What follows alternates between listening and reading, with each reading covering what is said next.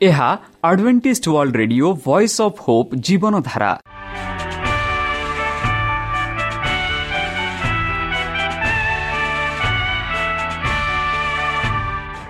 Odia radio କାର୍ଯ୍ୟକ୍ରମ ଯାହା ଆମର ଆନ୍ତର୍ଜାତୀୟ ଆଘାତ କେନ୍ଦ୍ରରୁ ପ୍ରସାରଣ କରାଯାଉଛି ପ୍ରତିଦିନ ରାତି ନଅଟା ତିରିଶ ମିନିଟ୍ରେ। ମୁଁ ସୁବ୍ରତ କୁମାର ପତି ପ୍ରେମର ସହ ଆପଣମାନଙ୍କୁ ଏହି କାର୍ଯ୍ୟକ୍ରମକୁ ସ୍ୱାଗତ କରୁଅଛି। ଚାଲନ୍ତୁ ଆଜିର ତିରିଶ ମିନିଟ୍ର କାର୍ଯ୍ୟକ୍ରମ ବିଷୟରେ ଜାଣିନେବା। ପ୍ରଥମେ ରଖିଛୁ ଆଧ୍ୟାତ୍ମିକ ଭକ୍ତିମୟ ଗୀତ। ଭକ୍ତଙ୍କଠାରୁ ଜୀବନଦାୟକ ଈଶ୍ୱରଙ୍କ ବାକ୍ୟ। ପ୍ରିୟ ଶ୍ରୋତା ତାହେଲେ ଚାଲନ୍ତୁ ଶୁଣିବା ଏକ ଆଧ୍ୟାତ୍ମିକ ଭକ୍ତିମୟ ଗୀତ।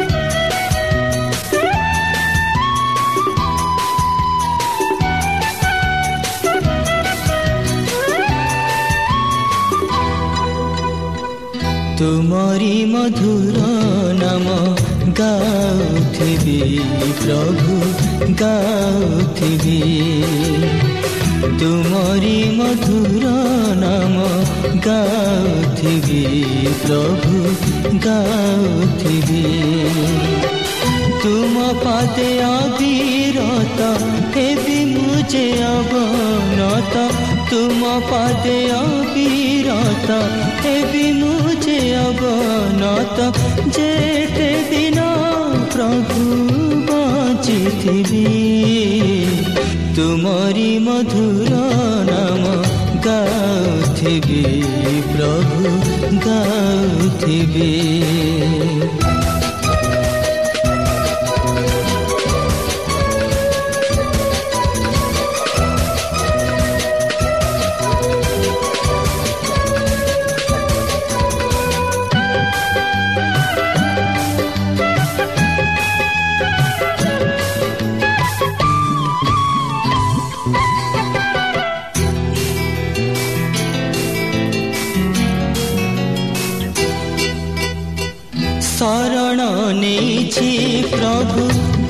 ଛାୟା ତଳେ ତୁମେ ହିଁ ଆଶ୍ରୟ ମୋର ଦୁର୍ଦିନ କାଳେ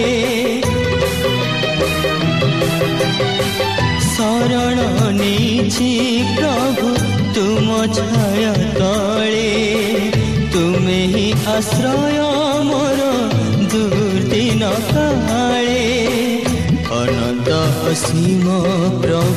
ଅସୀମ ପ୍ରଭୁ ତୁମ ଦୟା ମହାପ୍ରେମ ଅନନ୍ତ ଅସୀମ ପ୍ରଭୁ ତୁମ ଦୟା ମହାପ୍ରେମ ଅଭୁଲା ସେ ପ୍ରେମ ନୀତି ସ୍ମରୁଥିବି ଯେତେ ଦିନ ପ୍ରଭୁ ବଞ୍ଚିଥିବି ତୁମରି ମଧୁର ନାମ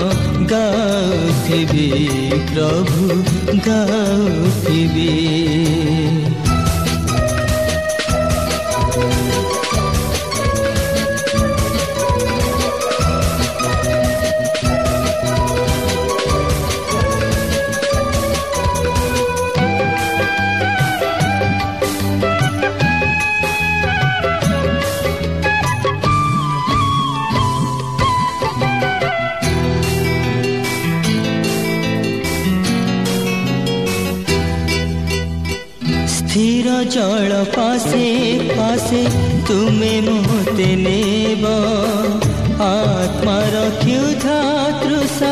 ତୁମେ ନିବାରିବ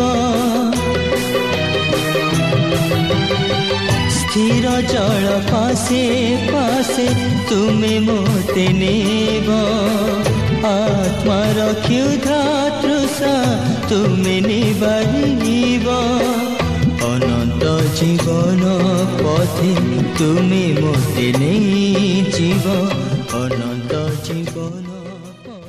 ଆମ ଠିକଣା Adventist Media Centre SDA mission compound Salisbury Park Pune ଚାରି ଏକ ଏକ ଶୂନ ତିନି ସାତ ମହାରାଷ୍ଟ୍ର। ବା ଖୋଲନ୍ତୁ ଆମର ୱେବସାଇଟ୍ ଯେକୌଣସି Android phone smartphone desktop laptop କିମ୍ବା ଟ୍ୟାବ୍ଲେଟ୍ ଆମର website W W W dot A W R dot O R G slash O R I ଏବଂ W W W dot Adventist Media Centre India dot O R G Adventist Media Centre ଇଣ୍ଡିଆର spelling ହେଉଛି A D V E N T I S T M E D I A C E N T R E I N D I A ବର୍ତ୍ତମାନ ଚାଲନ୍ତୁ ଶୁଣିବା ଈଶ୍ୱରଙ୍କ ଭକ୍ତଙ୍କଠାରୁ ଈଶ୍ୱରଙ୍କ ଜୀବନଦାୟକ ବାକ୍ୟ ସ୍ୱର୍ଗ କେଉଁଠାରେ ଅଛି? ଭାଗ ଦୁଇ ନମସ୍କାର ପ୍ରିୟ ଶ୍ରୋତା ସେହି ସର୍ବଶକ୍ତି ସର୍ବଜ୍ଞାନୀ ପ୍ରେମର ସାଗର ଦୟାମୟ ଅନ୍ତର୍ଜମୀ ଅନୁଗ୍ରହ ପରମ ପିତାଙ୍କ ମଧୁର ନାମରେ ମୁଁ ପାଷ୍ଟ ପୂର୍ଣ୍ଣ ଚନ୍ଦ୍ର ଆଉ ଥରେ ଆପଣମାନଙ୍କୁ ଏହି କାର୍ଯ୍ୟକ୍ରମରେ ସ୍ୱାଗତ କରୁଅଛି ସେହି ସର୍ବଶକ୍ତି ପରମେଶ୍ୱର ଆପଣମାନଙ୍କୁ ଆଶୀର୍ବାଦ କରନ୍ତୁ ଆପଣଙ୍କୁ ସମସ୍ତ ପ୍ରକାର ଦୁଃଖ କଷ୍ଟ ବାଧା କ୍ଲେଶ ଓ ରୋଗରୁ ଦୂରେଇ ରଖନ୍ତୁ। ଶତ୍ରୁ ସୟତାନ ହସ୍ତରୁ ସେ ଆପଣଙ୍କୁ ସୁରକ୍ଷାରେ ରଖନ୍ତୁ।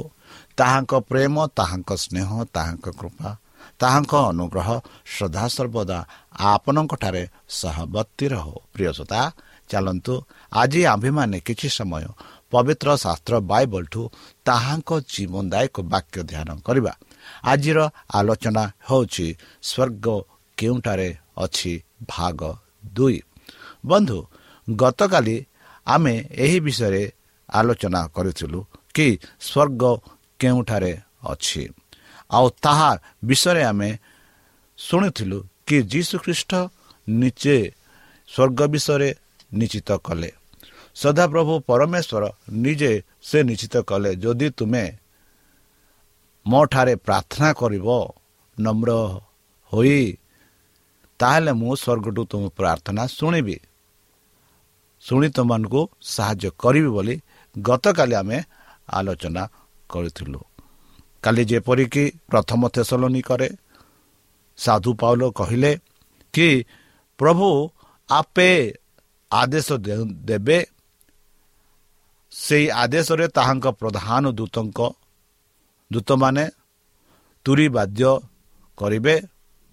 ଯେବେ ସେମାନେ ସ୍ୱର୍ଗରୁ ଅବତରଣ କରିବେ।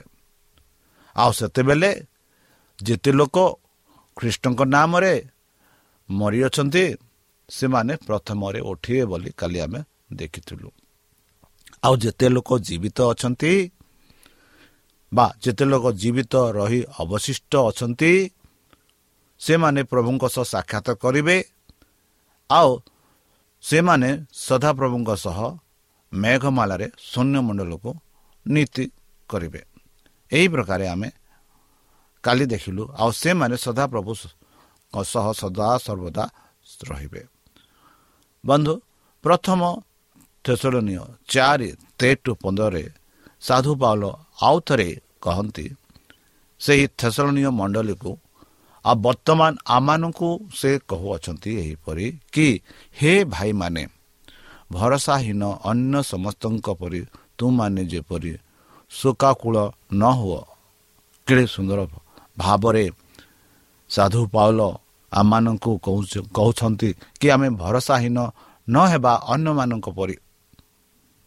ଏଥି ନିମନ୍ତେ ମହାନିଦ୍ରା ପ୍ରାପ୍ତ ଲୋକମାନଙ୍କ ବିଷୟରେ ତୁମାନେ ଯେ ଅଜ୍ଞ ଥାଅ ଏହା ଆମମାନଙ୍କ ଇଚ୍ଛା ନୁହେଁ। ସେ କହନ୍ତି କି ଯେତେ ଲୋକ ମହାନିଦ୍ରା ପ୍ରାପ୍ତ ହୋଇଛନ୍ତି ସେମାନଙ୍କ ବିଷୟରେ ତୁମେ ଅଜ୍ଞାତ ନ ରୁହ। କାରଣ ସାଧୁ ପାଉଲ ସେ ଦେଖିଅଛନ୍ତି ଅଧିକାଂଶ ଲୋକ ମୃତ୍ୟୁମାନେ ମୃତ୍ୟୁରେ ଅଛନ୍ତି ବୋଲି। ମାତ୍ର ସାଧୁ ପାଉଲ ସେମାନଙ୍କୁ ସ୍ପଷ୍ଟ ରୂପେ କହୁଅଛନ୍ତି କି ଏହା ତୁମାନେ ଅଜ୍ଞାନ ନ ରୁହ। ଏହା ଆମମାନଙ୍କ ଇଚ୍ଛା ନୁହେଁ।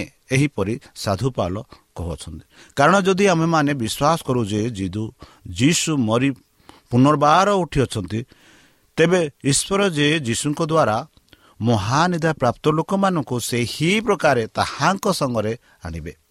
ଏହା ମଧ୍ୟ ବିଶ୍ୱାସ କରିବା ଉଚିତ ଯେ ଯେନୁ ଆମ୍ଭେମାନେ ପ୍ରଭୁଙ୍କ ବାକ୍ୟ ଅନୁସାରେ ତୁମମାନଙ୍କୁ ଏହା କହୁଅଛୁ ଆମ୍ଭେମାନେ ଯେତେ ଲୋକ ପ୍ରଭୁଙ୍କ ଆଗମନ ପର୍ଯ୍ୟନ୍ତ ଜୀବିତ ରହି ଅବଶିଷ୍ଟ ଥିବୁ ଆମ୍ଭେମାନେ କୌଣସି ପ୍ରକାରେ ମହାନିଦ୍ରା ପ୍ରାପ୍ତ ଲୋକମାନଙ୍କ ଆଗ୍ରାମୀ ହେବୁ ନାହିଁ।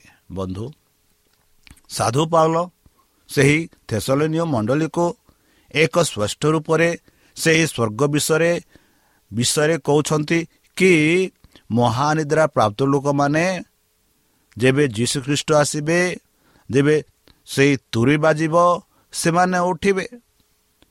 ଆଉ ଯେତେ ଲୋକ ସେହି ସମୟରେ ବଞ୍ଚିତ ଅଛନ୍ତି ଅବଶିଷ୍ଟ ଲୋକ ଯୀଶୁଖ୍ରୀଷ୍ଟଙ୍କଠାରେ ବିଶ୍ୱାସ କରିଛନ୍ତି ସେମାନେ ମଧ୍ୟ ଉଠିବେ ସେମାନେ ମଧ୍ୟ ମିଶିବେ ଆଉ ଉଭୟ ମିଶି ସେ ସ୍ୱର୍ଗ ରାଜକୁ ଯିବେ ସେଥିଯୋଗୁଁ ସେ କହନ୍ତି ଆମେମାନେ କୌଣସି ପ୍ରକାର ମହାନିଦାର ପ୍ରାପ୍ତ ଲୋକମାନଙ୍କ ଅଗ୍ରାମୀ ହେବୁ ନାହିଁ ବୋଲି ସେ କହୁଅଛନ୍ତି। ବନ୍ଧୁ ଦ୍ୱିତୀୟ କରନ୍ତି ତାର ଚାରି।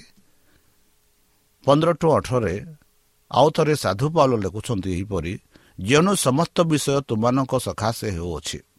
ଯେପରି ଅନେକ ଲୋକଙ୍କ ଠାରେ ଅନୁଗ୍ରହ ଅଧିକ ବୃଦ୍ଧି ପାଇ ଈଶ୍ୱରଙ୍କ ଗୌରବାର୍ଥେ ବହୁଳ ଧନ୍ୟବାଦର କାରଣ ହୁଏ।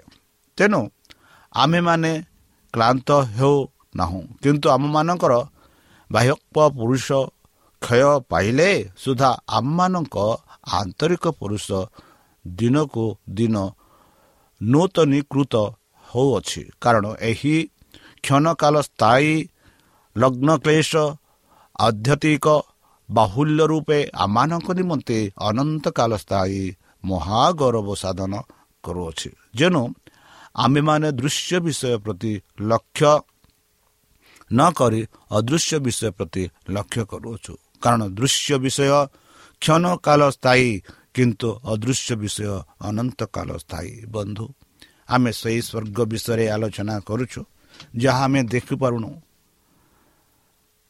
ଯାହା ଅଦୃଶ୍ୟ ଅଛି। ଆଉ ଯାହା ଆମେ ଦେଖୁଅଛୁ ଏହା ସଦାସର୍ବତା ରହିବ ନାହିଁ। ଏ କେବେ ହେଲେ କ୍ଷଣ ହୋଇଯିବ ନଷ୍ଟ ହୋଇଯିବ। ମାତ୍ର ଯେଉଁ ସ୍ଥାନକୁ ଯେଉଁ ସ୍ଥାନ ବିଷୟରେ ଆମେ ଆଜି ଆଲୋଚନା କରୁଛୁ ସେ ସ୍ୱର୍ଗ ରାଜ୍ୟ ସେ ସ୍ୱର୍ଗ ରାଜ୍ୟ ବିଷୟରେ ସାଧୁ ପାଉଲ ଏତେ ସୁନ୍ଦର ଭାବରେ ଏମାନଙ୍କୁ ବୁଝାଇ କହୁଛନ୍ତି କି ସେଇ ଦୃଶ୍ୟ ବିଷୟରେ ଆମେ ଦେଖୁଅଛୁ ଆଉ ସେ ସେଇ ଅଦୃଶ୍ୟ ବିଷୟରେ ଯାହା ଆମେ ଦେଖୁନ ସେଇ ବିଷୟରେ ଆମେ ଆଲୋଚନା କରୁଛୁ ଯାହାକି ସଦାପ୍ରଭୁ ପରମେଶ୍ୱର ଯୀଶୁଖ୍ରୀଷ୍ଟ ପ୍ରସ୍ତୁତ କରିବାକୁ ଯାଇଛନ୍ତି ଯେଉଁଠାରେ ଆମେ ବାସ କରିବୁ ମୁଁ ଆଉ ଥରେ ଏଇ ପଦଟା ପଢ଼ିବି ଦୟାକରି ଶୁଣନ୍ତୁ।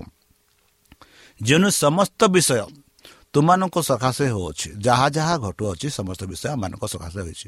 ଯେପରିକି ଅନେକ ଲୋକଙ୍କଠାରେ ଅନୁଗ୍ରହ ଅଧ୍ୟଧିକ ବୃଦ୍ଧି ପାଇ ଈଶ୍ୱରଙ୍କ ଗୌରବାର୍ଥେ ବହୁଳ ଧନ୍ୟବାଦର କାରଣ ହୁଏ। ତେଣୁ ଆମେମାନେ କ୍ଳାନ୍ତ ହେଉନାହୁଁ ଏହିପରି ସେ କହନ୍ତି। କିନ୍ତୁ ଆମମାନଙ୍କର ବାହ୍ୟ ପୁରୁଷ କ୍ଷୟ ପାଇପାରେ ମାନେ ଯେଉଁ ଶରୀର ଆମର ଅଛି ସେଟା କ୍ଷୟ ହୋଇପାରେ ସୁଦ୍ଧା ଆମମାନଙ୍କର ଆନ୍ତରିକ ପୁରୁଷ ଦିନକୁ ଦିନ ନିତକୃତ ହୋଇଅଛି ଦେଖନ୍ତୁ ଆମ ଯେଉଁ ଶରୀର ବର୍ତ୍ତମାନ ଦେଖୁଅଛୁ ହୋଇପାରେ କ୍ଷୟ ହୋଇପାରେ। ଯାହା ମାତ୍ର ଆମର ଯେଉଁ ଆନ୍ତରିକ ପୁରୁଷ ଯାହା ଅଛି ଭିତରେ ଦିନକୁ ଦିନ ନୂତନୀକୃତ ହେଉଅଛି। କାରଣ ଏହି କ୍ଷଣ କାଳ ସ୍ଥାୟୀ ଲଘୁ କ୍ଲେଶ ଅଧ୍ୟତିକ ବାହୁଲ୍ୟ ରୂପେ ଆମମାନଙ୍କ ନିମନ୍ତେ ଅନନ୍ତ କାଳ ସ୍ଥାୟୀ ମହାଗୌରବ ସାଧକ ସାଧନ କରୁଅଛନ୍ତି ବୋଲି ସାଧୁ ପାଉଲ କହୁଛନ୍ତି ଯେଣୁ ଆମେମାନେ ଦୃଶ୍ୟ ବିଷୟ ପ୍ରତି ଲକ୍ଷ୍ୟ ନ କରି ଯେଉଁ ଦୃଶ୍ୟ ବିଷୟରେ ଆମେ ଲକ୍ଷ୍ୟ ନ କରି ଅଦୃଶ୍ୟ ବିଷୟ ପ୍ରତି ଲକ୍ଷ୍ୟ କରୁଅଛୁ କାରଣ ଦୃଶ୍ୟ ବିଷୟ କ୍ଷଣ କାଳ ସ୍ଥାୟୀ ମନେ ରଖନ୍ତୁ କ୍ଷଣ କାଳ ସ୍ଥାୟୀ କିନ୍ତୁ ଅଦୃଶ୍ୟ ବିଷୟ ଅନନ୍ତ କାଳ ସ୍ଥାୟୀ। ଆମେ ସେହି ଅନନ୍ତ କାଳ ସ୍ଥାୟୀ ପାଇଁ ଆମେ ଅପେକ୍ଷାରେ ଅଛୁ। ବନ୍ଧୁ ଜିସାୟ ଭବିଷ୍ୟତ ଭକ୍ତ ସେ ଲେଖନ୍ତି ଜିସାୟ ଛବିଶ ଦୁଇରେ ସତ୍ୟା ପାଳନକାରୀ ଧାର୍ମିକ ଗୋଷ୍ଠୀ ଯେପରି ପ୍ରବେଶ କରିପାରିବେ ଏଥିପାଇଁ ତୁମେମାନେ ନଗରର ଦ୍ୱାର ସବୁ ମୁକ୍ତ କର ବନ୍ଧୁ କେଡ଼େ ସୁନ୍ଦର ଭାବରେ ଜିସାୟ ଭବିଷ୍ୟତ ଭକ୍ତା ଧାର୍ମିକ ଗୋଷ୍ଠୀ ଯେପରି ପ୍ରବେଶ କରିବେ ସେହି ଧାର୍ମିକ ଗୋଷ୍ଠୀ ହୋଇପାରନ୍ତି ଆପଣ ମୁଁ। ଆଉ ସେ ଧାର୍ମିକ ଗୋଷ୍ଠୀ ହିଁ ସ୍ୱର୍ଗ ରାଜ୍ୟକୁ ପ୍ରବେଶ କରିପାରିବେ। ଏଥିଯୋଗୁଁ ଜିସାୟ ଭବିଷ୍ୟତ ଭକ୍ତ ଲେଖନ୍ତି ସତ୍ୟ ପାଳନକାରୀ ଧାର୍ମିକ ଗୋଷ୍ଠୀ ଯେପରି ପ୍ରବେଶ କରିପାରିବେ ଏଥିପାଇଁ ତୁମେମାନେ ନଗରର ଦ୍ୱାର ସବୁ ମୁକ୍ତ କର ମାନେ ଖୋଲା ରଖ। ପରମେଶ୍ୱର ଯୀଶୁଖ୍ରୀଷ୍ଟ ଆମମାନଙ୍କ ପାଇଁ ସେ ସ୍ୱର୍ଗୀୟ ଫାଟକ ଖୋଲା ରଖିଛନ୍ତି। ଯେପରିକି ଆମେମାନେ ସେହି ସ୍ୱର୍ଗରାଜ୍ୟକୁ ପ୍ରବେଶ କରିପାରିବୁ। ବନ୍ଧୁ ପ୍ରକାଶିତରେ ଜହନ ଏହିପରି ଲେଖନ୍ତି କି ଜହନ ବାଇଶ ଚଉଦରେ ସେ ଲେଖନ୍ତି ଜୀବନ ବୃକ୍ଷର ଅଧିକାରୀ ହେବା ନିମନ୍ତେ ଓ ଦ୍ୱାର ଦେଇ ନଗରୀରେ ପ୍ରବେଶ କରିବା ନିମନ୍ତେ ଯେଉଁମାନେ ଆପଣା ଆପଣା ବସ୍ତ୍ର ଧୌତ କରିଅଛନ୍ତି ସେମାନେ ଧନ୍ୟ କେଡ଼େ ସୁନ୍ଦର ଭାବରେ। ଏଠି ଜହନ କହୁଅଛନ୍ତି ସେହି ଜୀବନ ବୃକ୍ଷର ଅଧିକାରୀ ହେବା ନିମନ୍ତେ ବନ୍ଧୁ ଆଉ ସେହି ଦ୍ୱାର ଦେଇ ପ୍ରବେଶ କରିବା ନିମନ୍ତେ ବନ୍ଧୁ ଅନେକ ଲୋକ ମୃତ୍ୟୁବରଣ କରୁଛନ୍ତି। ଯୀଶୁ ଖ୍ରୀଷ୍ଟଙ୍କ ନାମରେ ମୃତ୍ୟୁବରଣ କରିଛନ୍ତି। ସେମାନେ ଆପଣ ବସ୍ତ୍ର ଧୌତ ମାନେ ରକ୍ତରେ ଧରିଛନ୍ତି କରିଅଛନ୍ତି ଆଉ ସେମାନେ ଧନ୍ୟ ବୋଲି ଜହନ କହୁଛନ୍ତି ବନ୍ଧୁ ଆମେ ଯଦି ସେମାନଙ୍କଠାରେ ଏକା ହେବା ତାହେଲେ ଆମେ ଧନ୍ୟ ଯେହେତୁ ସ୍ୱର୍ଗରାଜ ଆମର। ଜହନ ସତର ସତରରେ ଆମେ କହୁ ପାଉଅଛୁ। ଯୀଶୁ ଖ୍ରୀଷ୍ଟ ଏହିପରି ପ୍ରାର୍ଥନା କଲେ କି ସତ୍ୟ ଦ୍ୱାରା ସେମାନଙ୍କୁ ପବିତ୍ର କର। ତୁମର ବାକ୍ୟ ତ ସତ୍ୟ। ବନ୍ଧୁ ଯେଉଁ ବାକ୍ୟ ବର୍ତ୍ତମାନ ମୁଁ ଆପଣମାନଙ୍କୁ କହୁଅଛି ପବିତ୍ର ଶାସ୍ତ୍ର ବାଇବଲଠୁ ସେହି ବାକ୍ୟ ହେଉଛି ସତ୍ୟ। ଯାହା ବିଷୟରେ ମୁଁ କହୁଛି ଯୀଶୁ ଖ୍ରୀଷ୍ଟ ଯୀଶୁ ଖ୍ରୀଷ୍ଟ ହେଉଛନ୍ତି ସତ୍ୟ। ସେ ହେଉଛନ୍ତି ଜୀବନ। ସେ ହେଉଛନ୍ତି ପଥ। ଆଉ ତାହାଙ୍କ ବିଷୟରେ ମୁଁ ଆପଣମାନଙ୍କୁ ଆଜି କହୁଅଛି। ଆଉ ଯଦି ଆପଣମାନେ ସେହି ସତ୍ୟ ବିଷୟରେ ଜାଣିବେ ସେହି ପଥ ବିଷୟରେ ଜାଣିବେ ସେହି ଜୀବନ ବିଷୟରେ ଜାଣିବେ ତାହେଲେ ଆପଣମାନେ ଆଉ ଯେତେ ବାକ୍ୟ ଶୁଣୁଛନ୍ତି ସେମାନେ ସମସ୍ତେ ସେହି ଜୀବନ ବୃକ୍ଷର ଅଧିକାରୀ ହେବେ। ତାହା ନୁହେଁ ସେମାନେ ସେଇ ଦ୍ୱାର ଦେଇ ନଗରୀରେ ପ୍ରବେଶ କରିବେ। ବନ୍ଧୁ ସେହି ନଗରରେ ପ୍ରବେଶ କରିବାରେ ସୌଭାଗ୍ୟ ନା? ଆମେ ବେଲେ ବେଲେ ଗାଁ ଗହଳିରେ ଆମେ ରହିଥାଉ। ଆଉ ଯେବେ ଆମେ ଗାଁ ଗହଳିରୁ ସହରକୁ ଯାଉ ସହରର ପରିସ୍ଥିତି ସହରର ପରିବେଶ ଦେଖି ଆମେ ବେଲେ ବେଲେ ଖୁସି ହୋଇଥାଉ ଆନନ୍ଦ କରିଥାଉ। ଆଉ ସହର ପରିବେଶକୁ ଆମେ ଭଲ ପାଇଥାଉ।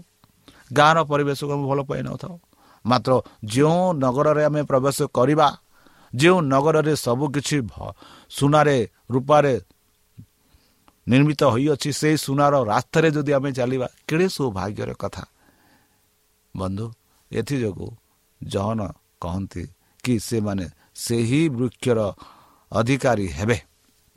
ପ୍ରକାଶିତ ଏକ ତିନିରେ ସେ ଲେଖନ୍ତି ଏହିପରି ଯେ ପାଠକରେ ଯେଉଁ ଓ ଯେଉଁମାନେ ଏହି ଭାବବାଣୀ ଶ୍ରବଣ କରନ୍ତି ପୁଣି ସେଥିରେ ଲିଖିତ ବିଷୟ ସବୁ ପାଳନ କରନ୍ତି ସେମାନେ। ଧନ୍ୟ। କାରଣ ସମୟ ସନ୍ନିକଟ ବନ୍ଧୁ ବର୍ତ୍ତମାନ ଏହି ବାକ୍ୟ ଆପଣମାନଙ୍କୁ ମୁଁ ରେଡ଼ିଓ ରେଡ଼ିଓ ମାଧ୍ୟମ ଦ୍ୱାରା ପ୍ରଚାରିତ କରୁଛି।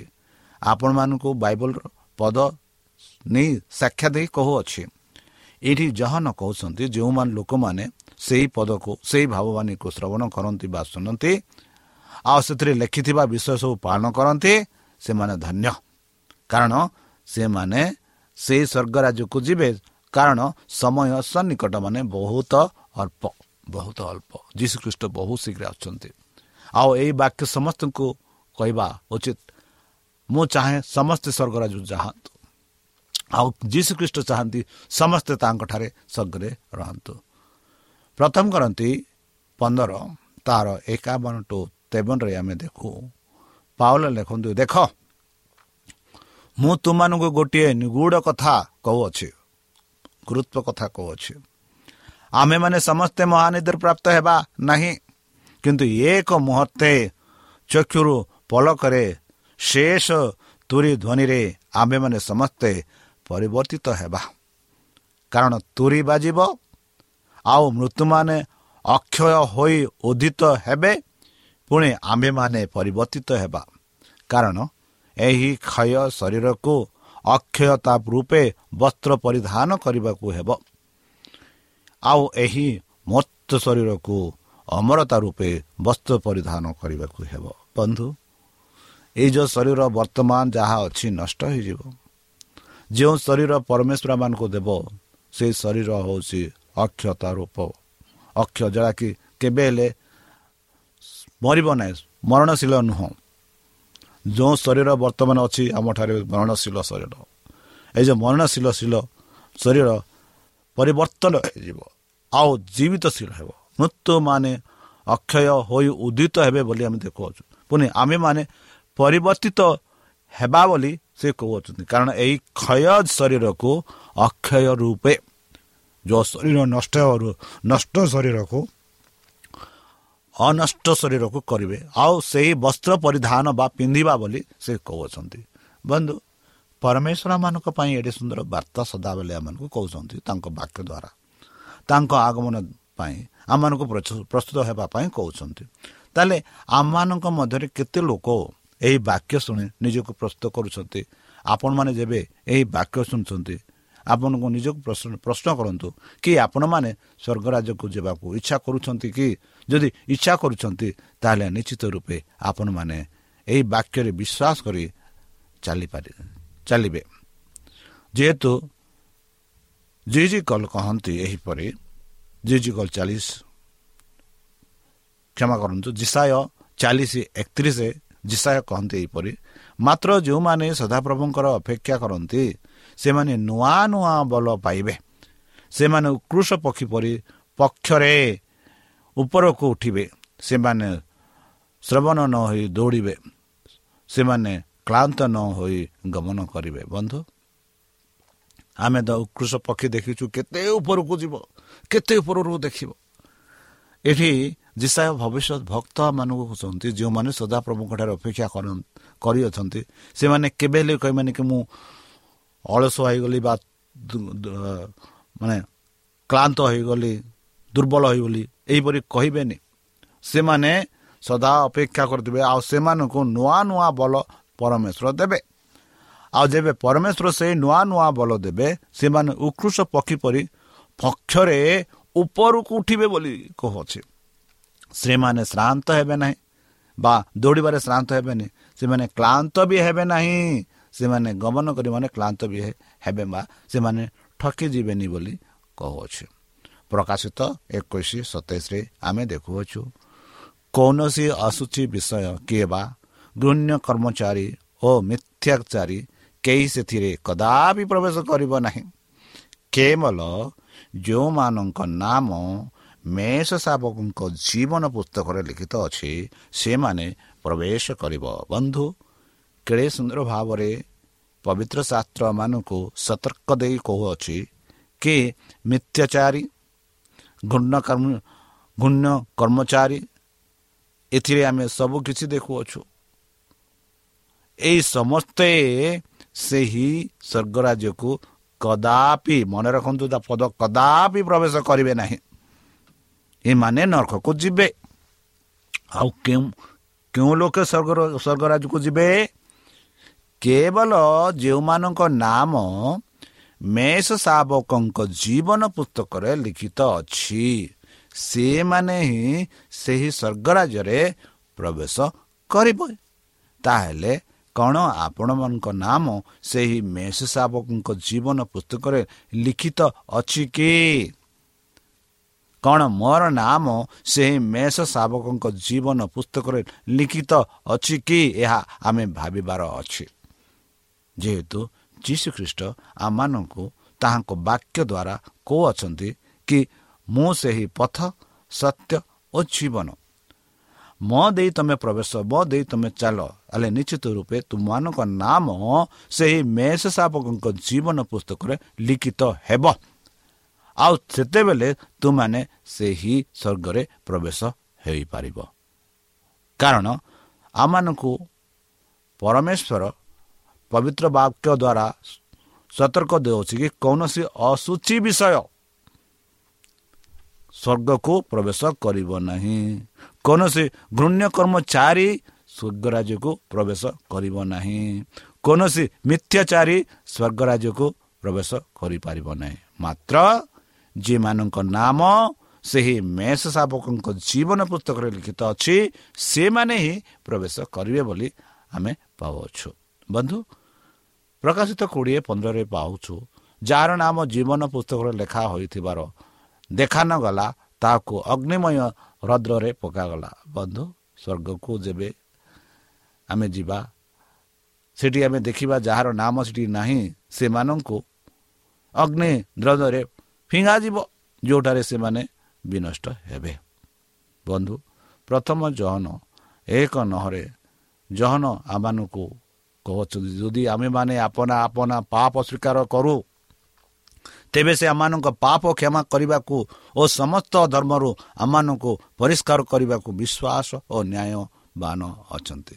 ତାହେଲେ ବନ୍ଧୁ ଏହି ଯେଉଁ ସୁଯୋଗ ଆପଣମାନଙ୍କୁ ମୋତେ ଦିଆଯାଇଛି କି ନିଜ ନିଜ ପାପ ସ୍ୱୀକାର କରିବା ପରମେଶ୍ୱରଙ୍କଠାରେ ସ୍ୱୀକାର କରିବା ଆଉ ତାଙ୍କ ବାକ୍ୟକୁ ପାଳନ କରିବା ତେବେ ପରମେଶ୍ୱର ଆମ ପାପ କ୍ଷମା କରିବ।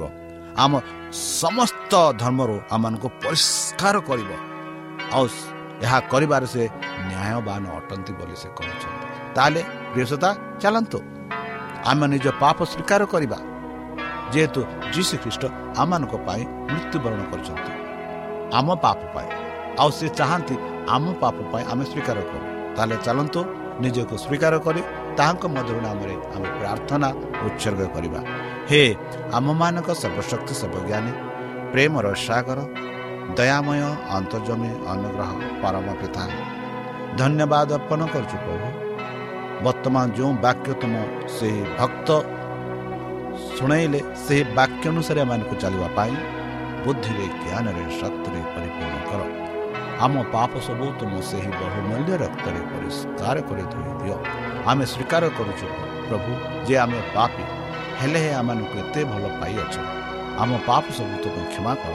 ଆଉ ପରିଶେଷ ଯେବେ ତୁମେ ତୁମ ସେହି ସହସ୍ରଦୂତଙ୍କ ସହ ଆସିବେ ସେତେବେଳେ ଆମମାନଙ୍କୁ ଏକ ବାସସ୍ଥାନ ଦେବ ବୋଲି ତ୍ରାଣକର୍ତ୍ତା ପ୍ରଭୁ ଯୀଶୁଙ୍କ ମଧୁରମୟ ନାମରେ ଏହି ଛୋଟ ବିକ୍ଷମ ପ୍ରିୟ ଶ୍ରୋତା ଆମେ ଆଶା କରୁଛୁ ଯେ ଆମର କାର୍ଯ୍ୟକ୍ରମ ଆପଣମାନଙ୍କୁ ପସନ୍ଦ ଲାଗୁଥିବ। ଆପଣଙ୍କର ମତାମତ ଜଣାଇବା ପାଇଁ ଆମର ଏହି ଠିକଣାରେ ଯୋଗାଯୋଗ କରନ୍ତୁ।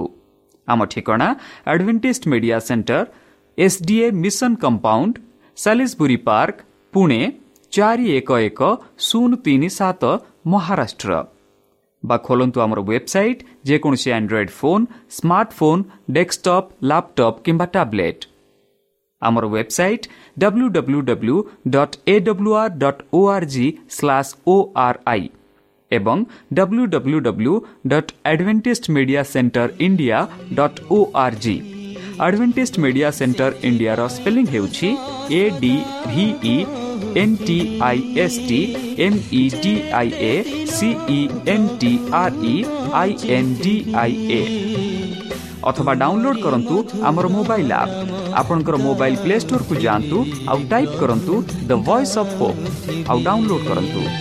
ଈଶ୍ୱର ଆପଣଙ୍କୁ ଆଶୀର୍ବାଦ ଧନ୍ୟବାଦ ଗାଉଥିବି ପ୍ରଭୁ ଗାଉଥିବି ତୁମ ପାଦେ ଅବିରତ ହେବି ମୁଁ ଯେ ଅବନତ ତୁମ ପାଦେ ଅବିରତ ହେବି ମୁଁ ଯେ ଅବନତ ଯେତେ ଦିନ ପ୍ରଭୁ ବଞ୍ଚିଥିବି ତୁମରି ମଧୁର ନାମ গাউথিবি প্রভু গাউথিবি গাউথিবি প্রভু গাউথিবি গাউথিবি প্রভু গাউথিবি